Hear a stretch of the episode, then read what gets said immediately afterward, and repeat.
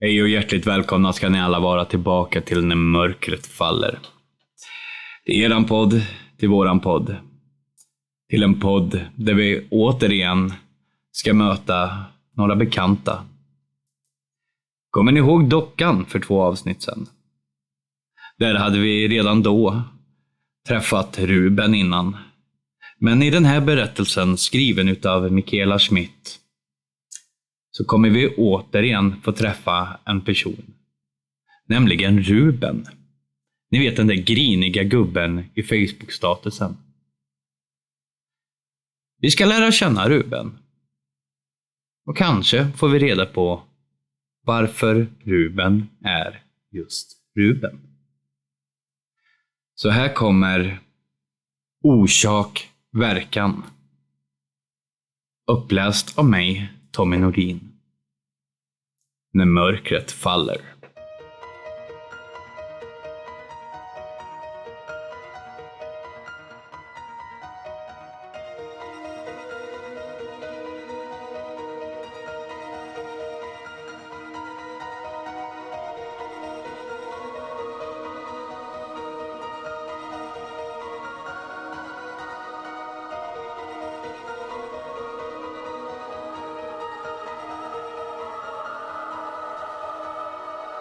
Om Nisse. Ja. Ni har ju hört talas om hur det är där jag bor. Mött farbror Ruben och hört en del historier. Den här gången tänkte jag att ni ska få stifta bekantskap med Nils Erik Vilgot. Eller Nisse som han kallas. Nisse är byns smygalkis. Eller smygalkis och smygalkis förresten. Alla vet om det. Det är bara det att det inte talas om det. Alls. Nisse är den sortens person som super bort sin cykel då och då, men eftersom alla vet det så kommer den alltid tillbaka förr eller senare. Han är en sådan som kommer med blåmärken och skrapsår. Frågar man vad som har hänt så muttrar han något om att han har pissat omkull på fyllan och alla nickar förstående. Nämner inte mer. När polisen någon enstaka gång råkar patrullera i byn är det Nisse som går fram till dem och säger att han nog är en försvunnen person så de behöver inte leta längre och därefter blir medtagen till fyllecell för tillnyktring. Sådan är Nisse. Lite beroende på när på dagen man möter Nisse kan han vara glad och trevlig, eller sur och grinig, och man vet aldrig riktigt vilket. Det går inte att förutsäga eftersom det beror på antalet intagna folköl. Men han blir aldrig bråkig eller dum. Han håller sig för sig själv med sitt supande och folk accepterar honom som han är eftersom han är född och uppvuxen här. En av traktens egna. Han är omtyckt för den han är helt enkelt. Gott så. Det finns naturligtvis en anledning till att Nisse är Nisse. Det gör det ju alltid. När Nisse var ung såg han bra ut, hade många vänner och var en populär figur att ta med på fester för att han var så rolig. Det blev kanske lite för mycket ibland, men inget som ingen annan också råkade göra då och då. Nisse råkade bara göra det lite oftare än de flesta. Men alla hade roligt på den tiden. Så småningom växte hans vänner till sig, skaffade sig ansvar, familj, hus, bil, körkort. Men Nisse festade vidare på egen hand. Och det har han fortsatt med. Nisse har gjort ett allvarligt seriöst försök att nyktra till, få rätsida på livet. Han var ingen vacker syn när han for iväg efter en sällsynt svår pinkvurpa.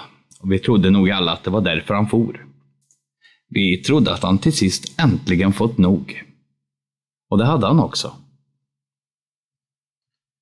När Nisse en dag var tillbaka i byn efter sin behandling gick det knappt att känna igen honom. Nykter, nyklippt, hel och ren och utan bleknande blåmärken Tyvärr eh, hade han också blivit en smula bitter, vilket inte var likt honom. Han sa att det berodde på behandlingen. Att han inte hade fått någon hjälp av den, utan hade känt sig ensam i sin kamp mot alkoholen. Jag vet vart allt gick sönder, muttrade han när man frågade om det. Jag vet varför det blev som det blev, men det trodde ju inte på mig. Frågade man vidare efter det blev man bara avsnäst med Det skulle inte tro mig ändå. Men han var i alla fall nykter och såg ut att må riktigt bra och bara det var en bedrift att vara nöjd med. Dagarna gick och blev till veckor. Och så en dag dök han upp på Rubens uppfart när jag satt där på trappan och lyssnade på historier om den gamla goda tiden. Han såg trött ut. Ja, jag menar riktigt trött. Sliten. Tjenare, sa han dystert. Och vi hälsade tillbaka medan han klev förbi mig upp på Rubens veranda. Hur är fatt pojktrasa? Frågade farbror Ruben utan vidare omsvep. Urakaipa, Svarade Nisse lika rättframt. Ruben såg honom stint i ögonen utan att blinka och väntade på en fortsättning som aldrig kom. Jaså då? Sa han till slut och släppte Nisse med blicken. Jaså då? Nisse sänkte blicken och stirrade ner i golvet framför sig. I tystnaden som följde på detta var det enda som hördes Rubens sörplande och Nisses tunga andetag. Mm. Jag kommer till dig för att du vet saker, sa Nisse efter en stund och lät nu ganska ynklig. Lite rädd faktiskt.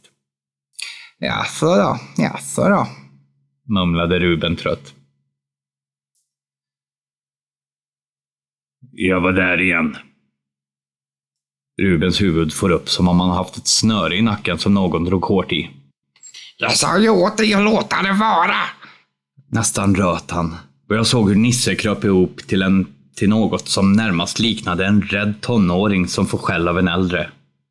Jag vet, jag vet, men jag var tvungen, flämtade han till sitt försvar. Ruben reste sig tvärt och försvann in till sig med en fart jag aldrig trott att han var kapabel till. Nisse hängde med huvudet. Vänta, vänta, sa jag och yttrade mig för första gången sedan jag hälsade på Nisse. Vänta lite här nu, vad är det frågan om egentligen?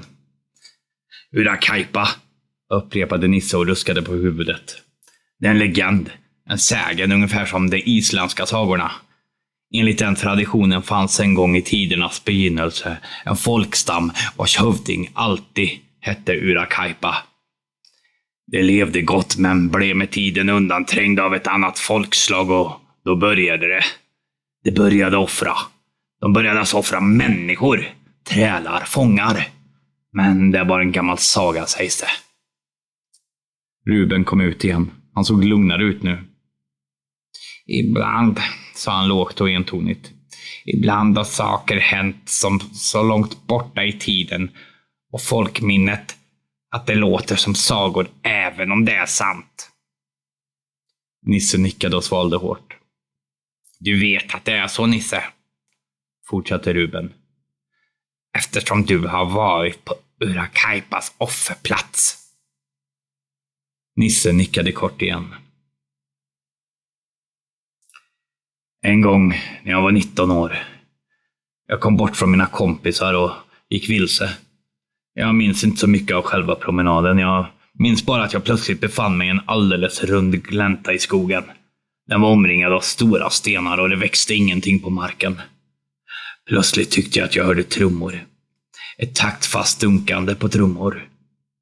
Först långt bort ifrån, men sedan kom det närmare och närmare tills jag var alldeles omgiven av dem. Men jag såg ingenting.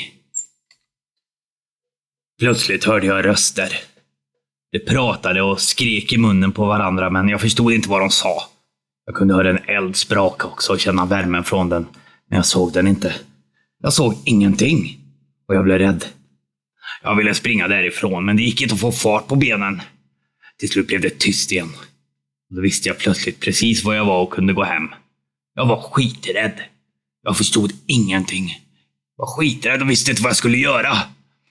Ja, jag försökte berätta om det flera gånger, men ingen trodde på mig.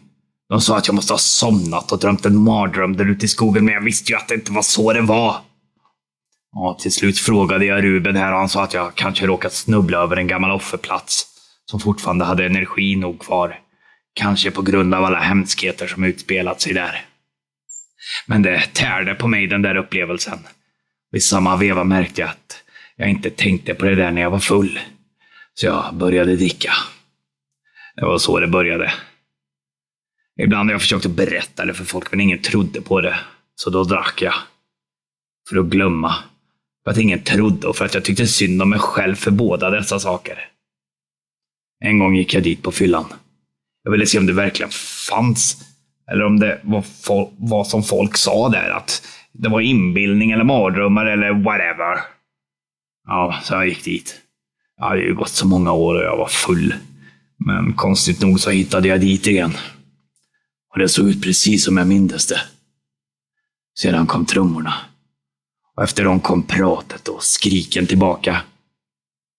Men sedan, ja, kanske var det på grund av alkoholen eller också var det för att jag har varit där en gång tidigare. Jag vet inte. Kanske kände de igen mig, människorna där. För plötsligt såg jag dem. De stod överallt runt omkring mig. Alla med ryggen mot mig. De höll facklor i händerna och tjattrade upp hetsat med varandra. Plötsligt började allihopa springa mot mig. Fast på något konstigt sätt fortfarande med ryggen mot mig. Jag kunde också urskilja Urakaipa nu när det kom närmare. Jag upprepade det om och om igen, var och en för sig i en enda röra. Nu dör jag, minns jag att jag tänkte. De tänker offra mig. Men någonstans långt bak i skallen ringde det en klocka. Alla människor jag hade berättat om första gången för. Hur det sagt att jag bara drömt. Hur det sagt att jag inbillat mig. Hur ingen hade trott på mig. Kanske var det så. Kanske var jag nu bara för full. Nej, det var jag inte. Jag kände mig spiknykter. Spiknykter och lika skiträdd som första gången. Och där och då lovade jag mig själv att om jag kom levande ur detta skulle jag sluta dricka. Så att jag kunde berätta för folk om vad som hänt och äntligen bli trodd. Och jag gjorde det. Jag överlevde det där på något sätt. Jag minns inte riktigt hur. Jag minns bara precis när den första kom fram till mig. Jag kunde känna lukten av henne. Hon luktade djur och unket och hennes långa toviga hår var fullt av gamla löv och kvistar. Hon var insvept i något raggigt och malätet. Och hennes hud såg ut att vara läderartad i skenet från facklan. Jag började springa. Jag struntade i om jag kunde eller inte och bara sprang. I flera minuter sprang jag, men allt tycktes stå stilla. Hon och de andra människorna nu också. Det var som att jag sprang tillbaka tiden till nutid. För ingenting annat än tiden rörde sig. Sedan föll jag plötsligt och utan förvarning omkull och slog ansiktet mot en sten. Jag måste ha tuppat av, för det nästa jag minns är att hur jag går på vägen och är på väg hem. Men så höll jag mitt löfte. Jag for iväg på behandling, blev nykter. Och på behandling var det meningen att man skulle prata. Allt skulle det pratas om. Barndomen, uppväxten, hur man mådde då och hur man mår nu och vad man trodde det Vad som gjort att man hamnat där man är. Och, och jag pratade och jag pratade och jag berättade och förklarade. Jag tog upp hur det kändes att stå i en cirkel med trummor och människor skrikande och dundrande omkring sig. Vad sånt gör med en. Ja, sa min pratkontakt. Du vet Nisse, när man dricker kan man få för sig så mycket som inte är sant. Man kan få hemska hallucinationer som känns alldeles verkliga när man dricker så mycket som du. Jag blev besviken, det ska jag inte sticka under stol med. Jag trodde att jag skulle bli trodd, åtminstone hoppades jag det. Och jag ville ju ha en förklaring. Men jag avslutar behandlingen. Hållit mig nykter länge nu. Och jag vet fortfarande att det där hände, för vet ni vad? Nu kommer efter mig. Jag ser dem ibland i ögonvrån. Och lämnar mig inte i fred längre eftersom jag inte dricker. Det vill offra mig, det är vad jag tror. Ja, så jag kom hit Ruben, för du vet saker. Jag måste få veta vad jag ska göra innan, innan det är för sent. Ruben såg på Nisse en lång stund, utan att säga någonting alls. Men till slut sträckte han ut ena handen och kramade Nisses axel. Jag vet inte Nisse, sa han med darrande röst. Jag är så ledsen, men jag vet faktiskt inte. Det blev tyst igen. Så suckade Nisse, reste sig och lunkade därifrån. Jag vet inte hur det var med Ruben, men jag såg hur Nisse fiskade upp en ölburk ur innerfickan och öppnade den. Och på den vägen är det tyvärr.